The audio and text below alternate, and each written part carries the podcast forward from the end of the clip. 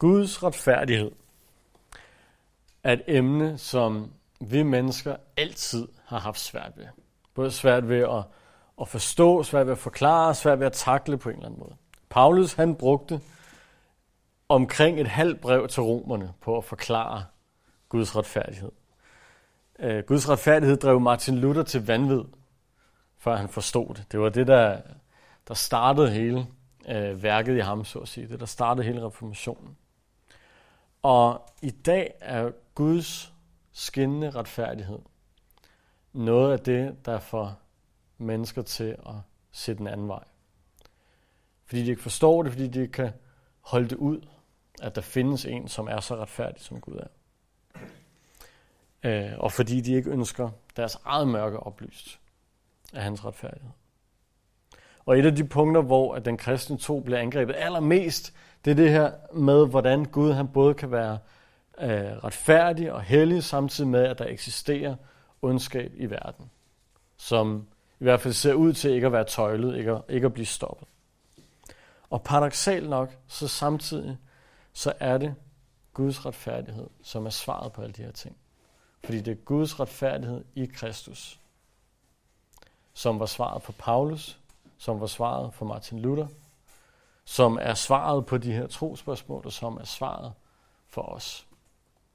Og det er akkurat Guds retfærdighed, som både Bildad, Jobs kammerat og Job selv, de tumler med. Det, det er Guds retfærdighed, de har spørgsmål til i de vers, vi skal se på i aften. Så vi åbner til Jobs bog, kapitel 8, hvor at øh, Job lige har talt her i kapitel 6 og 7, øh, efter at Elifas havde talt i kapitel 4 og 5.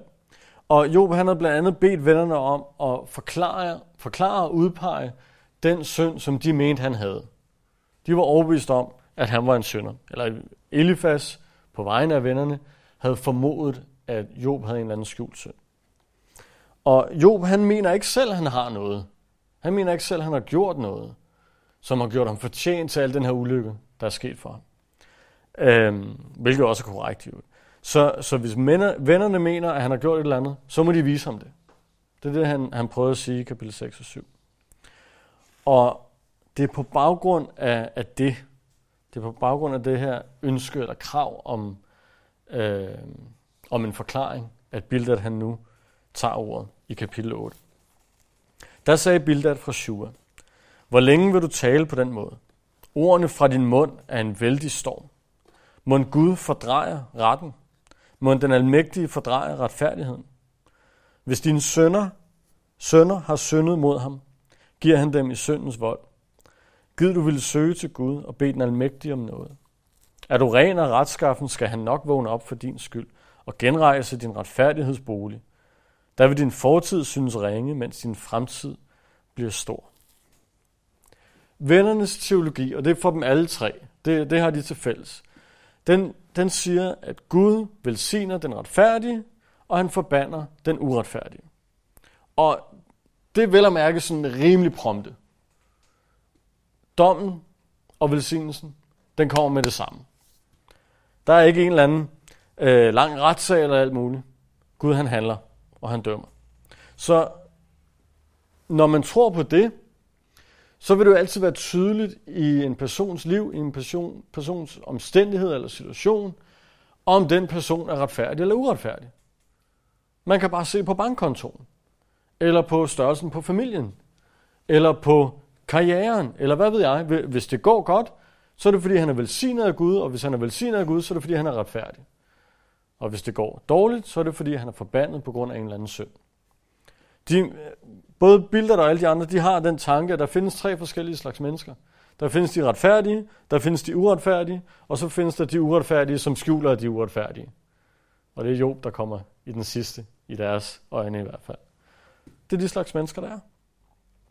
Så Elifas i øh, kapitel 4-5, han kom sådan mere eller mindre forsigtigt til Job. Og han fremlagde den her teologi, og på baggrund af det, så formodede han, at Job nok havde begået et eller andet, fordi de kunne se alt det, der var sket for Job. Så der må jo have været en synd, der er gået forud for det. Og så sagde han sådan lidt forsigtigt, at hvis han var i Jobs situation, så ville han omvende sig og søge Gud for ligesom at få styr på det. Bildad, han er lidt mere lige frem. Han starter med at spørge retorisk, om Gud må fordrejer retten. Om, om Gud, han, han, om, om ikke han opretholder den her retfærdighed, uretfærdighed, den her balance. Øhm, og, og med det siger han selvfølgelig, men hør nu her jo, vi, vi har jo set, hvad der er sket. Og Gud, han er jo retfærdig. Så han vil jo ikke lade det her hårde, den her ulykke, ramme dig, hvis ikke der var en god grund til det. Ergo må du jo have gjort et eller andet. Du må jo være en synder. Øh, så han, svaret til hans spørgsmål er jo selvfølgelig nej, Gud fordrejer ikke retten. Det, det ligger helt, øh, helt dybdegående i, hvad, hvad det er, de tror på. Og dernæst så vælger han som den øh, kære, forstående, empatiske ven han er, at bringe Jobs sønner op. I ved, de der syv sønner, som lige var døde for nylig. Øh, og så siger han, hvis dine sønner har syndet mod ham, altså mod Gud, giver han dem i syndens vold. Eller man kunne vente den om at sige, det er jo tydeligvis i syndens vold, på grund af al den vold, der skete mod dem. Derfor må de jo forud for det have syndet dybt mod Gud.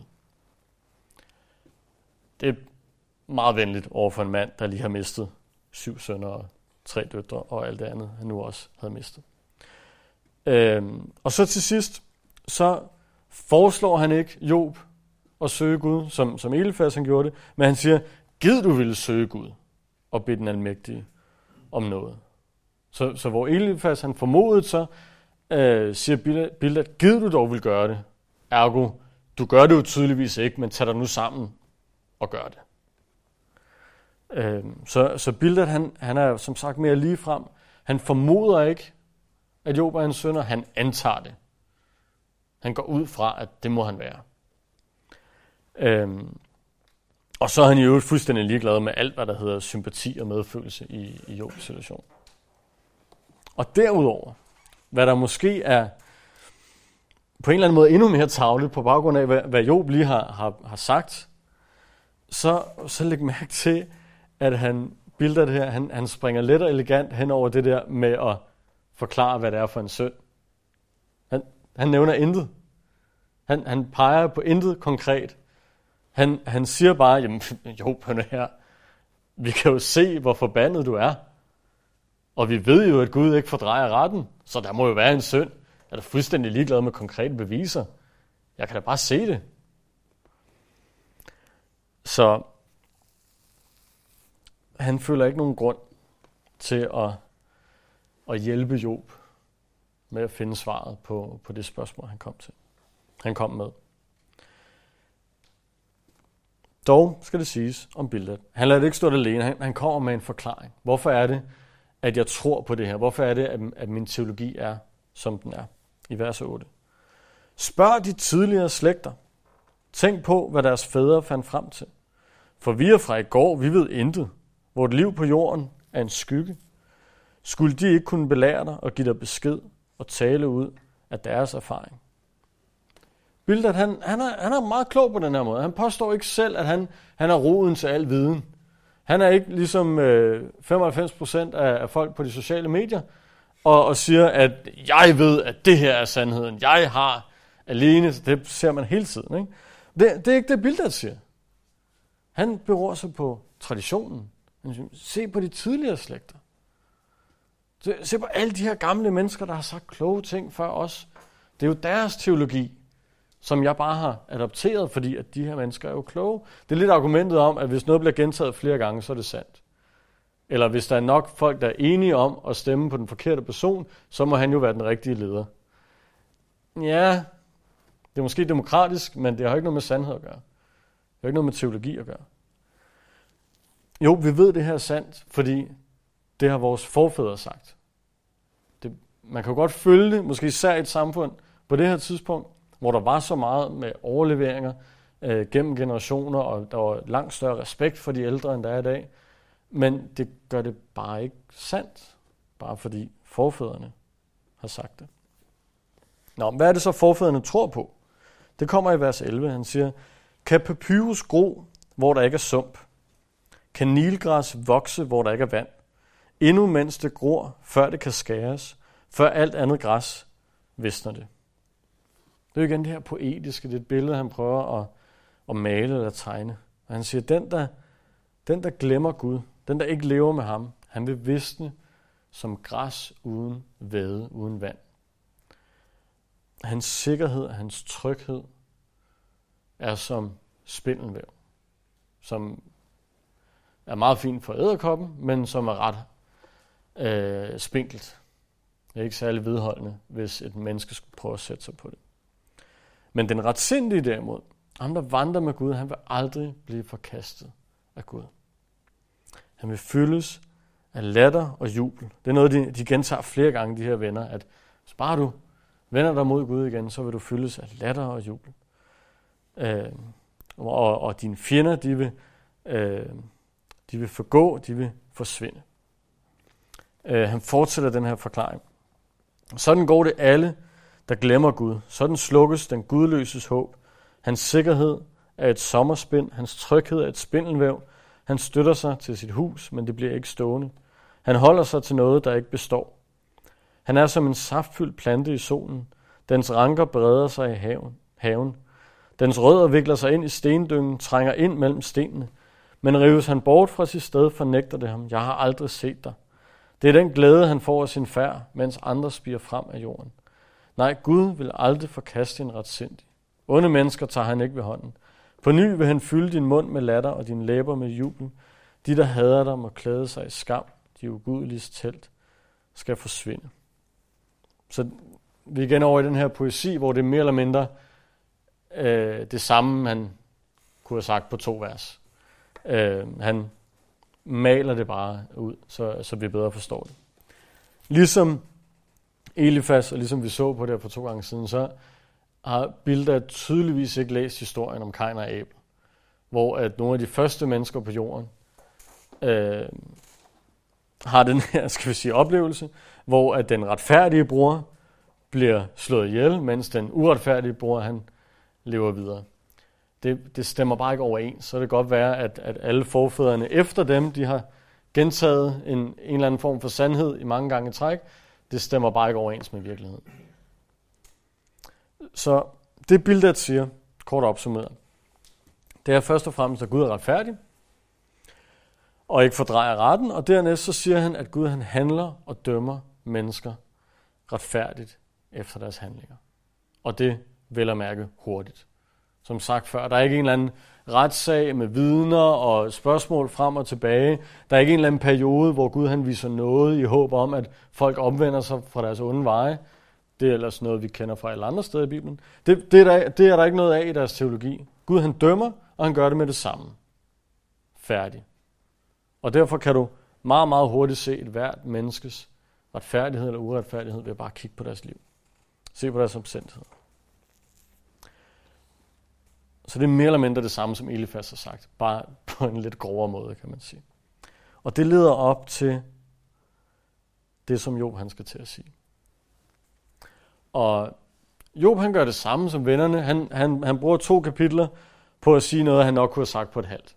Øh, men vi må bære over med ham. Han, han står i en, en hård situation. Han har fået en, nogle lange taler for de her gutter. Han, han, har, han har meget, han skal ud med. Øh, men, men det er det her, det her med, med retfærdighed og uretfærdighed, og den her prompte handling for Gud, det, det er det, der rammer Job. Det er det, som, som vennerne for alvor slår på. Så nu tager Job ordet i kapitel 9. Og der sagde Job, Sandt er det, at det forholder sig sådan. Hvordan kan et menneske være retfærdigt over for Gud? Vil det føre sag mod ham, kan det ikke gendrive en ud af tusind anklager. Og det her det bliver paradoxalt, fordi Job han rammer sømmet lige på hovedet i de første tre vers. Så egentlig burde han stoppe nu, og så gennem strøm til senere. Men, men han rammer hovedet på sømmet lige her. Siger noget af det vigtigste, ikke, ikke bare i aften, men i hele bogen, i hele hans liv. Så det her er noget af det vigtigste, han overhovedet siger. Så lad os tage den bid af gangen. Først og fremmest så erklærer han sig enig med Bildad. Overraskende nok. Han erklærer sig enig med Bildad og siger, sandt er det, at det forholder sig sådan. Det, det viser bare lidt det skræmmende faktum, at selvom vennerne er gal på den og siger en masse vrøvl, så er det også blandet med rigtig teologi, med sand teologi. Det udspringer faktisk af sand og sund teologi. De, de formår bare ikke at, at bruge det rigtigt, Is, især i, i Jobs situation. For, for, de, for de sat tingene fuldstændig forkert sammen. Men, men noget af det, de siger, de er, det er faktisk rigtigt. Så Job han erklærer sig enig, nemlig i det, at Gud ikke fordrejer retten. Han siger, sandt er det, at det forholder sig sådan. Gud er retfærdig. Han gør altid, hvad der er rigtigt. Og herefter så stiller han spørgsmålet, hvordan kan et menneske være retfærdigt over for Gud? Og her, der, der Job, han står, han, han har lige, han har hørt Elifas komme med sine ting, det har han prøvet at svare på, og så kommer Bildad, og han, han svarer ikke rigtigt på det, men siger bare noget nyt, som lidt af det samme, og, og det er det her, som stadig på en eller anden måde ulmer inde i Job. Han er nødt til at svare på nogle af de her ting. Fordi Elifas, han sagde allerede tilbage i kapitel 4, kan et menneske være mere retfærdigt end Gud? Kan en mand være renere end sin skaber? Det er samme princip. Og Elefants, han mente det her sådan rent etisk. Han, han mente, at Gud er hellig. Gud er renere, end vi overhovedet kan drømme om at være på nogen som helst mulig måde. Og, og i den kontekst på det tidspunkt mente han, at vi alle sammen synder. Især når vi sammenligner os med Gud. Øh, men Job han vender det her til et juridisk spørgsmål. Hvordan kan et menneske være retfærdigt over for Gud? Så, så han, han giver dem ret. I er ret i, at Gud er retfærdig, og, og vi mennesker er syndere. Det er ikke det, han stiller spørgsmålstegn med.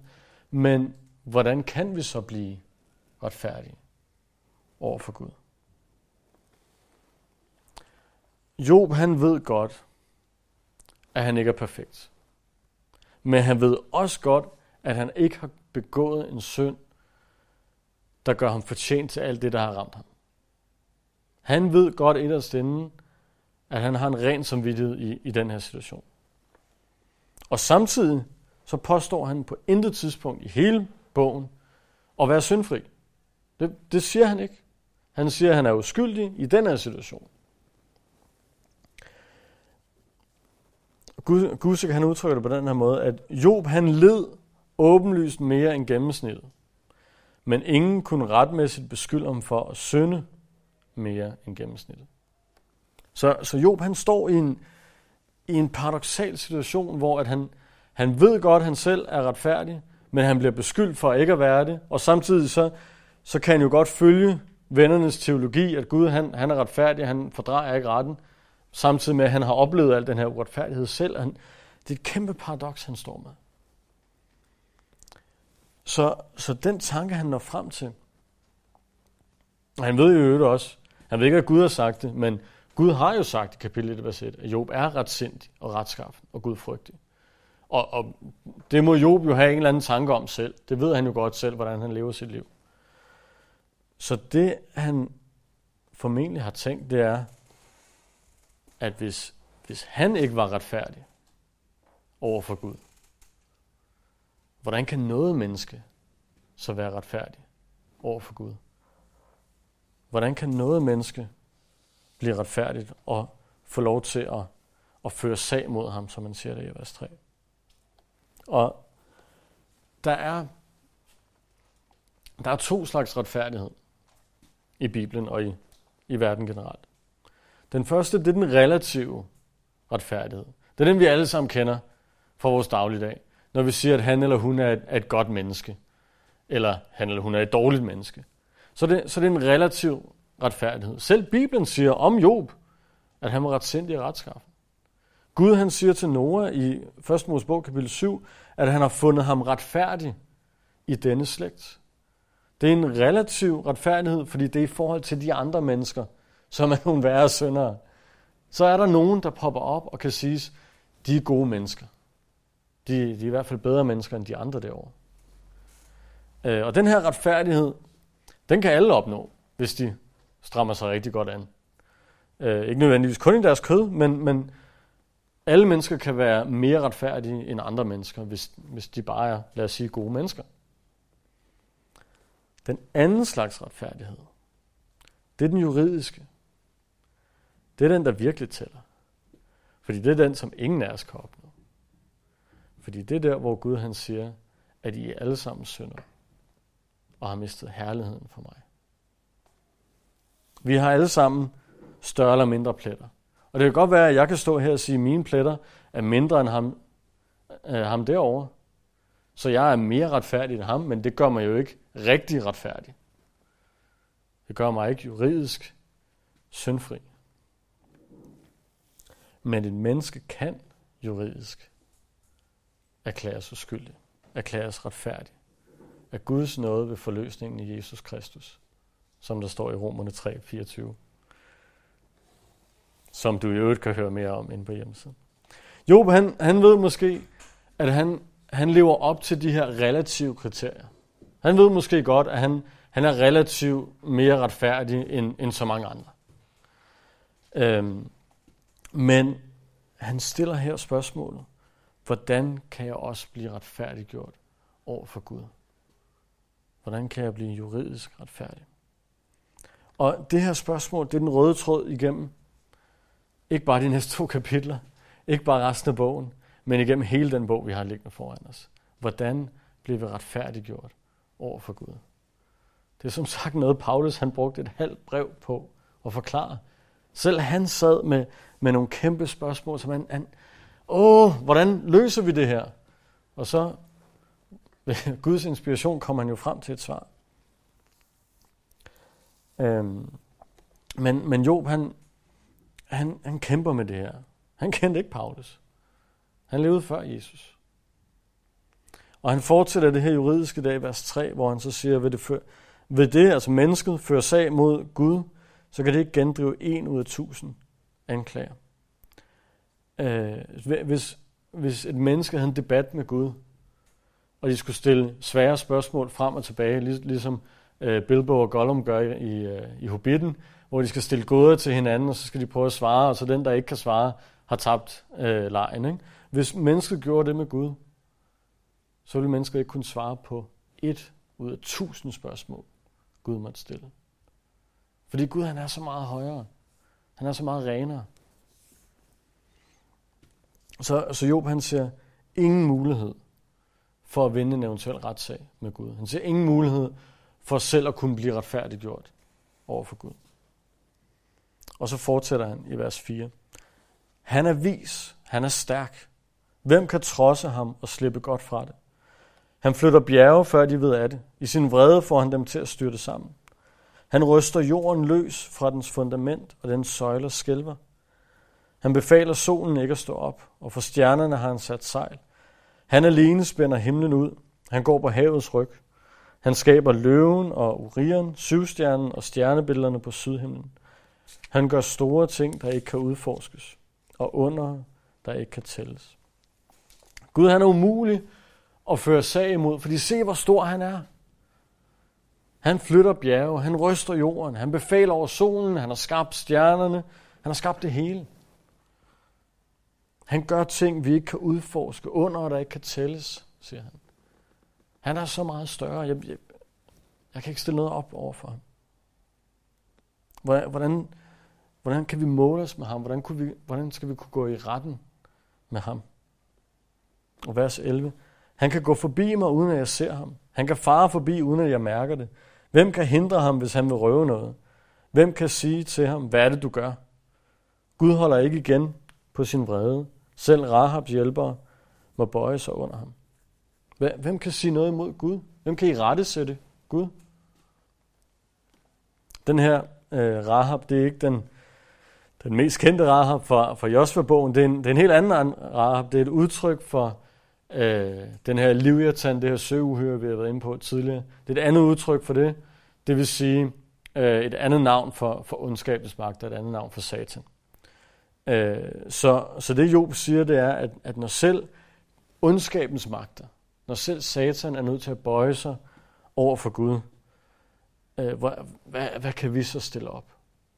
Det han prøver at sige, det er, at hvis jeg gik i en debat med Gud, så ville jeg ikke intellektuelt kunne vinde over ham. Hvis jeg gik i en brydekamp med Gud, så ville jeg ikke kunne vinde over ham. Det er lidt åbenlyst, men, men det er det, han siger. Og når nu det er sandt, når nu jeg ikke kan stille noget op mod Gud, vers 14, hvordan skulle jeg så kunne tage til ord imod ham og vælge mine ord over for ham? Selvom jeg har ret, kan jeg ikke komme til ord, men må bønfalde min dommer om noget. Hvis jeg stævnede ham, og han gav møde, tror jeg ikke, han ville lytte til mig. Der er, ikke, der er ikke noget, jeg kan gøre. Jeg kan ikke føre min sag over for Gud. Jeg mener, at jeg har en sag, for jeg mener, at jeg er uskyldig i de her ulykker, der er sket, men, men jeg, kan ikke, jeg kan ikke føre min sag over for Gud. Selv hvis jeg er uskyldig, kan jeg ikke gøre noget. Så, så med det, hvordan i alverden kan et menneske så blive retfærdiggjort over for Gud? Når selv jeg, som en af de retfærdige, som en af de uskyldige, ikke kan føre et ord imod ham, hvordan kan et menneske så blive retfærdiggjort over for Gud? Job, han har mistet alt håb i den her situation. Og, og jeg vil lidt ønske, at det stoppede der, fordi lige nu, så er han bare lidt, lidt håbløs, så ved han ikke, hvad han skal stille op. Men desværre så fortsætter han i vers 17. Han jager efter mig for en bagatel. Uden grund tilføjer han mig sorg på sorg. Han giver mig åndenød.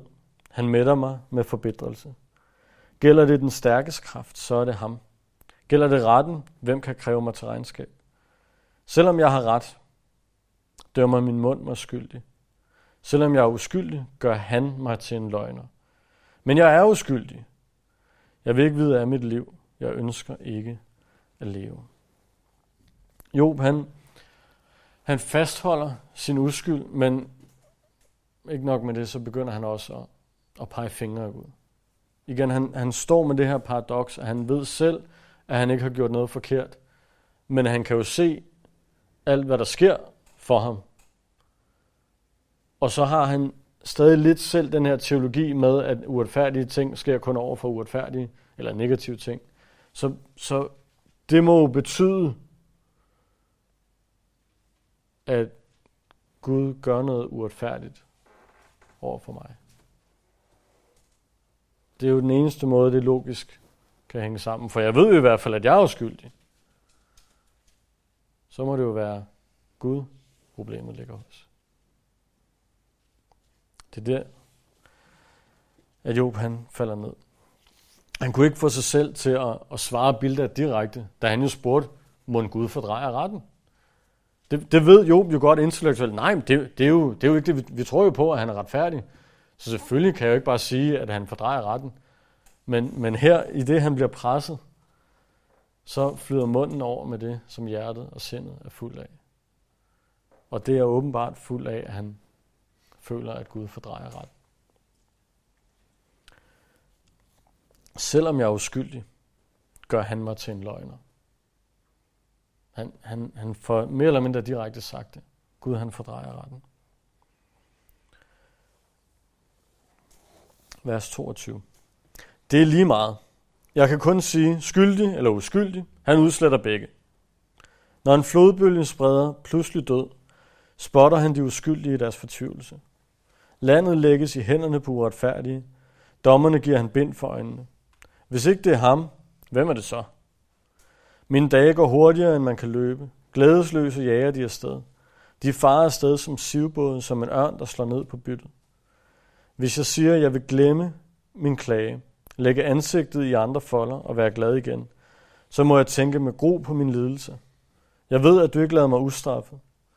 Når jeg skal være skyldig, hvorfor skal der anstrenge mig til ingen nytte? Om jeg så vaskede mig med sæbe og rensede hænderne i lud, vil du døbe mig i slampølen, så mine klæder vil afsky mig. Skyldig eller uskyldig? Han udsletter begge. Der er ikke nogen forskel. Så hvorfor skal jeg da anstrenge mig til ingen verdens nytte? Det er lige meget, hvad jeg gør, så er Gud efter mig. Så kan det jo også være lige meget, hvad jeg rent faktisk gør. Han dømmer mig, selvom jeg er uskyld. Og det er lidt interessant at se, at Job han begynder at klære sig selv retfærdig. Ikke sådan endegyldigt fuldkommen retfærdig. Som sagt før, det er ikke fordi, han på noget tidspunkt påstår, at han er perfekt og syndfri, men han mener, at han er uskyldig i den ulykke, der er sket det startede egentlig i kapitel 6, vers 29, hvor han sådan fik nævnt, at han, han følte ikke, at han havde gjort noget forkert. Det er der, hvor han så kom over i og, og bede om at få at vide, hvad var det for en synd, jeg havde gjort. Øh, og, og vi kommer til at se gennem hele bogen, at det her det bliver bare mere og mere efterhånden, som samtalen den udvikler sig. Og det værste ved det er, at han bliver primært selvretfærdig, fordi vennerne anklager ham. Alle de her slemme ting, hele historien, den skete i kapitel 1 og kapitel 2. Og så kapitel 3, der åbner Job munden, og så græder han. Og han, han vræler og hyler og begræder, hvad der er, der er sket. Men ikke et ord om, at han var skyldig eller uskyldig. Ikke engang et ord om, at han gerne ville have, at Gud ændre noget af det. Han, han sagde bare, jeg er ked af det. Mere eller mindre. Øh, så, så fokuset har slet ikke været på det her med retfærdighed. Blot på, hvor dårligt han havde det. Men nu kommer vennerne. Vennerne, kunne man sige. De kommer med anklager. Og så forsvarer han sig. Så er han nødt til at sige, jeg er retfærdig. Jeg er uskyldig. Og som sagt, det, det, det er jo egentlig retmæssigt indtil videre, fordi han, han er ikke skyld. Det ved vi jo fra kapitel 1 og 2. Det var ikke noget i Job selv, der gjorde, at alt det her skete. Men, men efterhånden, som, som vennerne bliver hårdere og hårdere, så bliver Job også hårdere og hårdere. Og det fortæller os lidt om åndelig kamp, om satans angreb. Fordi umiddelbart så det ud som om, at satans angreb var færdig i kapitel 2. Men det var bare der, at han var færdig med alle de fysiske ting, med at ramme Job. Men hans angreb fortsat igennem vennernes tunge.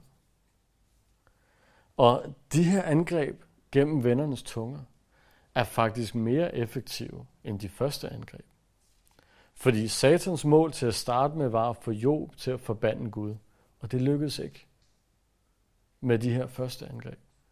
Men nu gennem de her anklager, som vennerne kommer med, begynder Job at anklage Gud for at være uretfærdig. Han har ikke forbandet Gud, så det, er, det er ikke det samme, men han er begyndt at udvikle en fantastisk dårlig teologi. Han, han står med de her spørgsmål, han ikke kan få svar på, og den nemmeste måde, at han kan forsvare sig selv mod vennerne, det er ved at pege fingre af Gud. Og det er det, Gud han ender med at må i rette sætte ham for til sidst i bogen. At, at Job han gør sig selv mere retfærdig, end han er. Så selvom Job generelt taler sandt om Gud, og også får at vide til sidst i bogen, Job, du har talt sandt om mig, øh, siger Gud, så får han også sagt nogle ting, som er usande, som er forkerte, som rammer ved siden af skiven.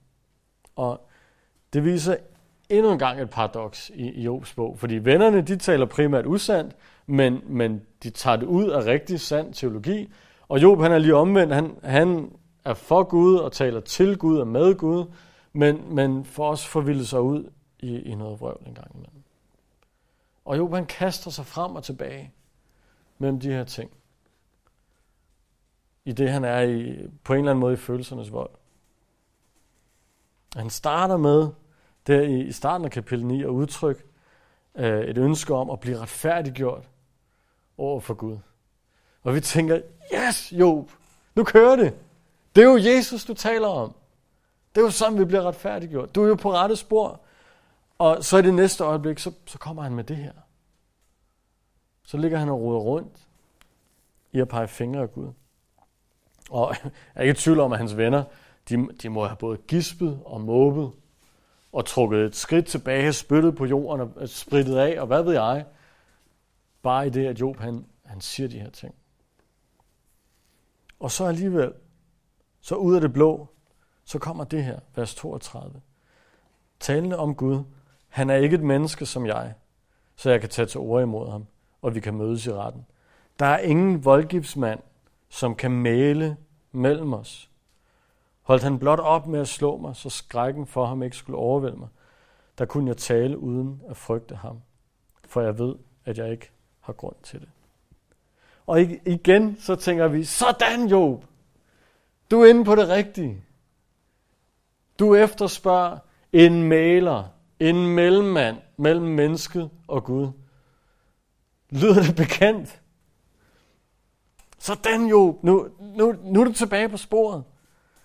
Gud er ikke et menneske, så vi kan tale til ham en til en.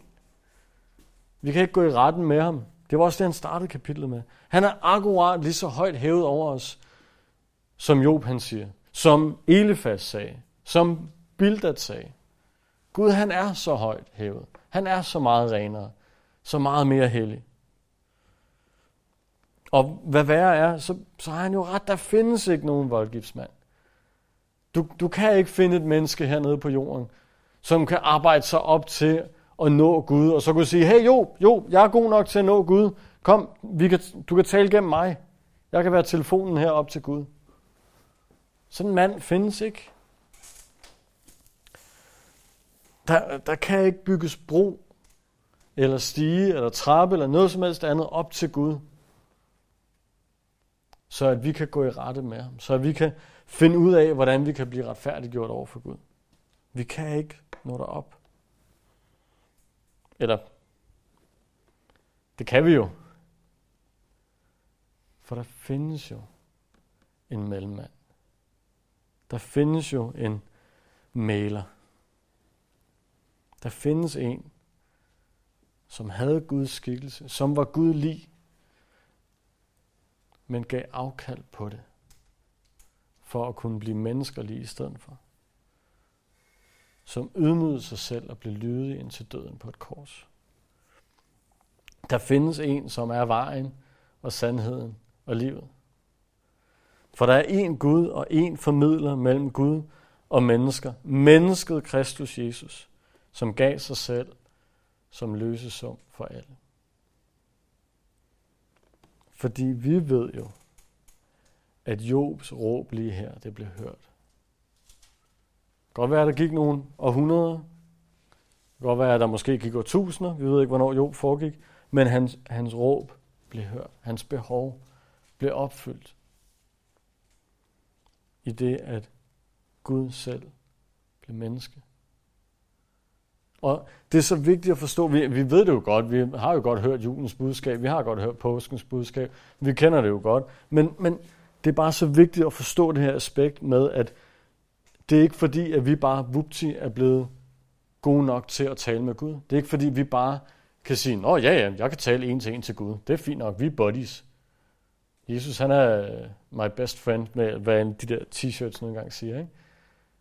Det, det er ikke bare sådan, det er naturligt. Der var nødt til at ske noget. Gud selv var nødt til at påtage sig menneskelighed. Blive menneske som os. Ikke bare klædt ud til fastelavn, som man lignede, eller hvad ved jeg. Han blev menneske. For kun sådan kunne, kunne der være den her voldgiftsmand, den her maler, den her mellemmand. Fordi pludselig var Gud i stand til både at være gudlig og derfor have ret og krav til at røre ved Gud, samtidig med, at han var menneske og kunne repræsentere Job og alle andre til at stå imellem og være brug. Og vi kunne blive ved i et langt citat af det nye testamente for at underbygge det her, men vi, vi holder her og erklærer blot, at der findes en formidler mellem Gud og mennesker. Der findes et, et svar på Jobs spørgsmål. Også selvom vennerne ikke kommer med det. Der findes en måde, at vi helt fuldt og fast og helt og holdent, og hvad ved jeg, kan blive retfærdiggjort over for Gud. Og det er gennem tro på Jesus Kristus. Og igen, så ser vi det her paradoks i Job. Fordi han er helt derop, hvor han, det kan godt være, at han ikke ser korset, det kan godt være, at han ikke forstår teologien 100%, men, men han, han har behovet, og han kan udtryk for det. Og på en eller anden måde, så, så, så bliver han profetisk, fordi han, han efterspørger det her, som jo var Guds plan. Så han er helt deroppe at svæve, og så med det samme, så kommer han ned igen på jorden, hvor han i vers 34-35 igen langer ud efter Gud og påstår, at Gud tværer ham ud. At Gud er uretfærdig imod ham. Og han bliver ved med at, at vedholde sin egen uskyld. Og herefter så, så gør Job det samme, som han gjorde sidst han talte. Han ændrer taleretning. Øh, i, I kapitel 9, så har han prøvet at svare Bildad. Og, og komme med både, både et svar, men også ligesom give endnu mere udtryk for, hvad det er, han, han går og tænker. Og så i kapitel 10, så skifter han til at tale direkte til Gud. Eller det vil sige, at han siger, jeg vil sige til Gud, og så kommer hele kapitel 10. Ikke? Så, så han, han vender sig imod Gud i det kommende kapitel. Og desværre så fortsætter han sporet fra kapitel 9. Ikke så meget med de positive ting, men mest med de negative ting. Øh, han siger mange af de samme ting, men, men bare vendt mod Gud, bare langt mere personlige og følelsesladet. Kapitel 10, vers 1. Jeg vemmes ved livet. Jeg vil give min klage frit løb og tale i min fortvivlelse. Jeg vil sige til Gud, døm mig ikke skyldig, men lad mig vide, hvorfor du fører sag mod mig. Hvad glæde har du af at undertrykke og forkaste det, dine hænder har frembragt, mens du lader lyset stråle over uretfærdiges planer. Ser du med dødeliges øjne? Ser du som mennesker ser? Er dine dage som menneskets dage? Er dine år som mandens levedage? Du ønsker jo at finde skyld hos mig, og leder efter min synd. Skønt du ved, at jeg er uskyldig, men ingen kan rives ud af din hånd. Igen påkalder Job sig uskyldighed. Og igen ikke en endegyldig uskyld, men i den her situation uskyld. Igen understrege det, det er også korrekt. Han har ikke selv været skyld i alle de her ting, der skete. Der stod meget tydeligt i kapitel 2, at det var uden skyld i Job, at alt det her skete. Men fordi han er så overbevist om sin egen uskyld, og fordi vennernes ord ikke lige frem hjælper ham til at forstå, hvad der er, der foregår, så er han nu ved at komme frem til den her konklusion om, at så må det jo være Gud, den er gal med. Så må Gud være uretfærdig. Og, og nu mere Job han tænker over det her, så bliver han mere ved overbevist om, at, at fejlen ligger hos Gud. Han bliver overbevist om det her med, at, at Gud ønsker at finde fejl hos Job. Han siger, skønt du ved, at jeg er uskyldig. Øh, undskyld, du ønsker jo at finde skyld hos mig og leder efter min synd, skønt du ved, at jeg er uskyldig. I vers 6 og 7. Han, han bliver mere og mere overbevist om, at, at Gud bare prøver at undertrykke ham. Vers 8.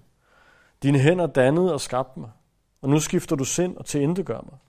Husk, at du formede mig som ler, og nu gør du mig til jord igen. Du hældte mig op som mælk og lod mig stivne til ost. Så klædte du mig i hud og kød og vævede mig sammen af knogler og sener. Liv og lykke gav du mig. Omsorgsfuldt vogtede du mit liv. Job han beskrev i kapitel 9, sådan på et lidt overordnet plan, Guds magt over skabningen, og det, at Gud havde skabt hele skabningen. Og så her, der tager han det nærmere og mere personligt, og anerkender, at Gud er hans personlige skaber. Ham, som har formet ham ud af læret. Øh, og og det, det, det gør det bare endnu mere paradoxalt for ham, fordi Gud er ikke bare den almægtige skaber, han er min skaber. Til trods for, at han er min skaber, for at jeg har den her nærhed til ham som min skaber, så er han alligevel sådan her imod mig. Så det er jo bare endnu værre, end, end hvis han var en eller anden fjern skaber deroppe. Det er overhovedet ikke en, en fuldkommen sammenligning, men, men hvis du har en, den nærmeste chef på arbejdet, så, så har du et langt tættere forhold til ham end en eller anden direktør, som du aldrig har mødt, men, men som står på hjemmesiden, eller hvad ved jeg. Ikke? Så hvis, hvis, hvis han er en idiot over for dig, nå ja, hvem er det? Men hvis din nærmeste chef er en idiot over for dig og gør noget uretfærdigt, så, så vil du ramme dig meget mere nært. Og det, det er det, Job han giver udtryk for. Og på grund af det, tænker han så det næste. Det leder ham til at sige, vers 13, men du skjulte det i hjertet. Jeg ved, du havde dette i sinde. At vogte på mig, hvis jeg syndede, og ikke lade min uskyld ustraffet. Ved mig, om jeg var skyldig. Men jeg er uskyldig, og kan ikke løfte hovedet. Jeg er mæt af skændsel, mættet med elendighed. Hold jeg hovedet højt, vil du jage mig som en løve, og på ny handle ubegribeligt mod mig. Du vil føre nye vidner mod mig, øge din uvilje mod mig, send her efter her imod mig. Så fordi at jeg havde den her nærhed til dig, Gud, og du alligevel var uretfærdig over for mig, så må det jo være fordi, at du hele tiden har haft det i sinde. Så du er faktisk ikke bare uretfærdig. Du er også direkte ondsindet og snu.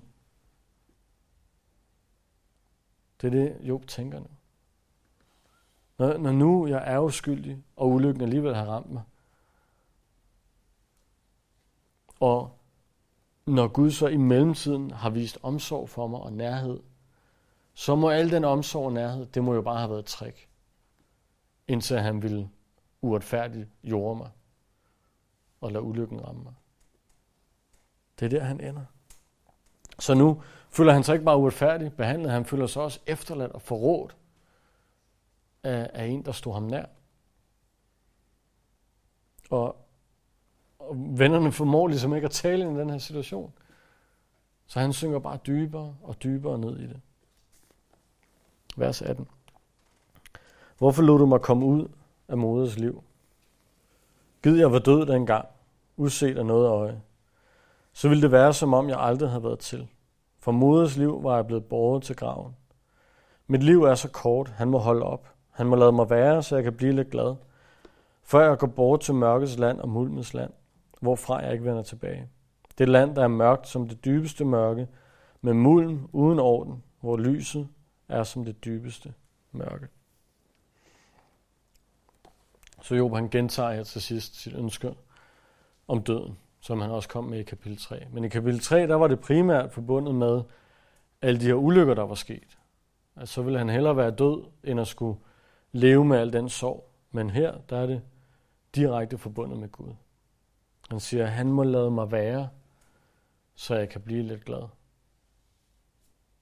Job, han, han ønsker, at han aldrig har levet. Han aldrig nogensinde havde mødt Gud. Så han ikke kunne blive forrådt af Gud, som han føler, han er blevet. Det her, det er, det er ordene fra en mand, som er ramt og ramt hårdt. Som prøver at få det hele til at give mening. Han han har noget, noget teologi derinde, men det bliver kastet rundt, og han har det ikke på plads. Og pulsen er oppe, fordi han, han bliver opvildet af det, vennerne siger. Han tænker ikke klart. det er ikke sundt, det er ikke velovervejet. Men det er trods alt, skal det siges til hans forsvar, et, fra et hjerte, som inderligt ønsker at, at finde ud af, hvad der er, der foregår, og få et svar på de her spørgsmål. Det, det er fra et hjerte, der ønsker at komme tilbage til den nærhed, som han havde oplevet med Gud tidligere. Han siger nogle forkerte ting, men, men i det mindste, så siger han dem til Gud. Han går ikke over i hjørnet surmul, og han siger ikke bare øh, til vennerne, at det her det er forkert, han, han går direkte til Gud og siger, hjælp mig. Det her, det, det er sådan, jeg har det. Og en anden spændende ting at lægge mærke til, eller interessant ting, det er, at Jo beder ikke Gud om at blive helbredt. Han beder ikke Gud om at få sin egen del tilbage, eller få sin familie tilbage. Hans højeste ønske, det er at kende Gud bedre, og forstå, hvad det er, der foregår. Og, og hvad det er, der gør, at, at alt det her sker, når nu tingene ikke hænger sammen. Og, og det kommer han også til senere. Pris Gud for det. Uh, ligesom at vi kommer til at beskæftige os endnu mere med, med de her paradoxer omkring Guds uretfærdighed. Vi kommer til at se endnu mere, hvordan det er, det hænger sammen det her med, hvordan Gud stadig kan være retfærdig i den her situation. Uh, men der kommer ikke flere svar lige nu. Job han ender desværre på, på det her negativ. Han, han, han var helt op at svæve på et tidspunkt. Han nærmede sig det rigtige. Og alligevel så ender han hernede. Men det vi husker, det er svaret på Jobs længsel. Jobs længsel var den her mellemmand. Han ønskede at være retfærdiggjort over for Gud. Han ønskede at, at få svar på ting. Og vi ved selvfølgelig, at, at de her ting, han, han ender med at sige, øh, primært i kapitel 10, men også i, i kapitel 9, vi ved jo, det ikke er sandt. Vi ved jo fra kapitel 1 og 2, vi, vi kender jo hele baghistorien, som, som Job ikke gjorde. Vi ved jo, det ikke er Gud, der har fordrejet retten. Øh, vi ved, at det ikke er, som, som Job giver udtryk for her, det er jo ikke, fordi han er snu, og det er ikke, fordi han hader Job, det er ikke, fordi han prøver at undertrykke ham. Der er en, en langt dybere mening. Øh, men det er bare en viden, som Job ikke havde. Men det giver os fortrøstning. Når vi skulle stå i en situation som Jobs, hvor vi føler, at al verdens ulykke har ramt os. Hvis vi skulle føle, at Gud har ramt os, at Gud er imod os, at Gud er langt fra os. Hvis vi skulle føle, at alt håb er ude, så ved vi, at vi har en mellemmand i Jesus. Vi ved, at Gud ikke bare er retfærdig, men også har retfærdiggjort os. Vi ved, at vi har direkte adgang, som Job ikke havde, men vi har direkte adgang til ham, som giver al omsorg, al trøst og svarene på alle spørgsmål. Lad os bede sammen. Herre, vi takker, at, at vi modsat Job har hele dit ord, har hele din åbenbaring, har langt flere svar på, hvordan tingene hænger sammen. Og jeg står næsten og får lyst til at, at hurtigt læse videre for at komme frem til der, hvor at, at Job også får nogle, nogle svar på spørgsmålene, men her vi, øh, vi takker dig i stedet, at, at du, Jesus, er vores mellemmand at du har retfærdiggjort os, så at vi kan stå ansigt til ansigt med dig. Her tak, at du har svarene på alle spørgsmålene. Og her må du lede os ind i al, al sandhed gennem dit ord. Amen.